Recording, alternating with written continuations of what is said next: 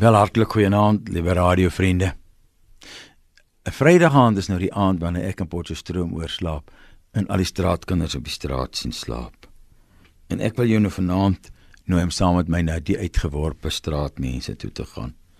Die kinders wat nie meer welkom is by die huis nie en wat oral staan en spans om 'n ou sentjie te kry, dalk selfs vir 'n zol, nê. Dis nie 'n nuwe verhaal nie.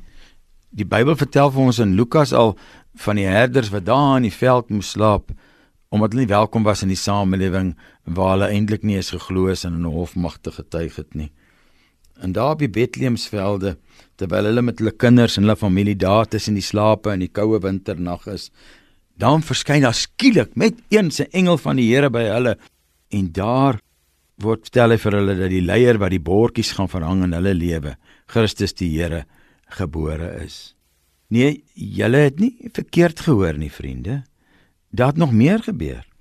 Die engel sê vir hulle die teken vir hulle vir hierdie nuwe lewe is dat daar 'n kindjie is wat in toeke toe gedraai is en in 'n krib daar in Bethlehem lê. En so broos soos wat hy na ons toe gekom het as 'n babatjie, mag julle brose herders wat in die veld slaap, gaan kyk om te sien dat hy vir julle gekom het.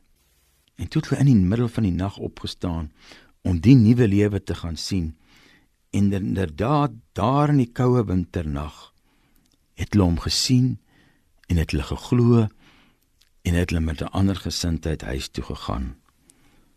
En vanaand praat die Here ook met my en met jou wat teen teen vanaand toe ons wegneem etes gaan koop het 'n bedelaar langs die straat gesien het. En uh, het hy nie dalk vir my en vir jou as die engel gestuur wat 'n goeie boodskap van groot blydskap vir hulle sal bring nie? Wat hulle lewe sal nuut maak en jou lewe sal nuut maak. Wat jou vreugde en bevrediging sal gee omdat jy vir iemand wat minder as jy het van betekenis was. Glo dit maar. Jou lewe sal na vanaand nooit weer dieselfde wees as jy jou hand 'n bietjie dieper in die sak steek en 'n kospakkie gee vir iemand wat vir dalk vannag onder 'n kartondoos koud en honger moet gaan slaap nie. Immers Die engele het 'n gebed gedoen by daai geleentheid.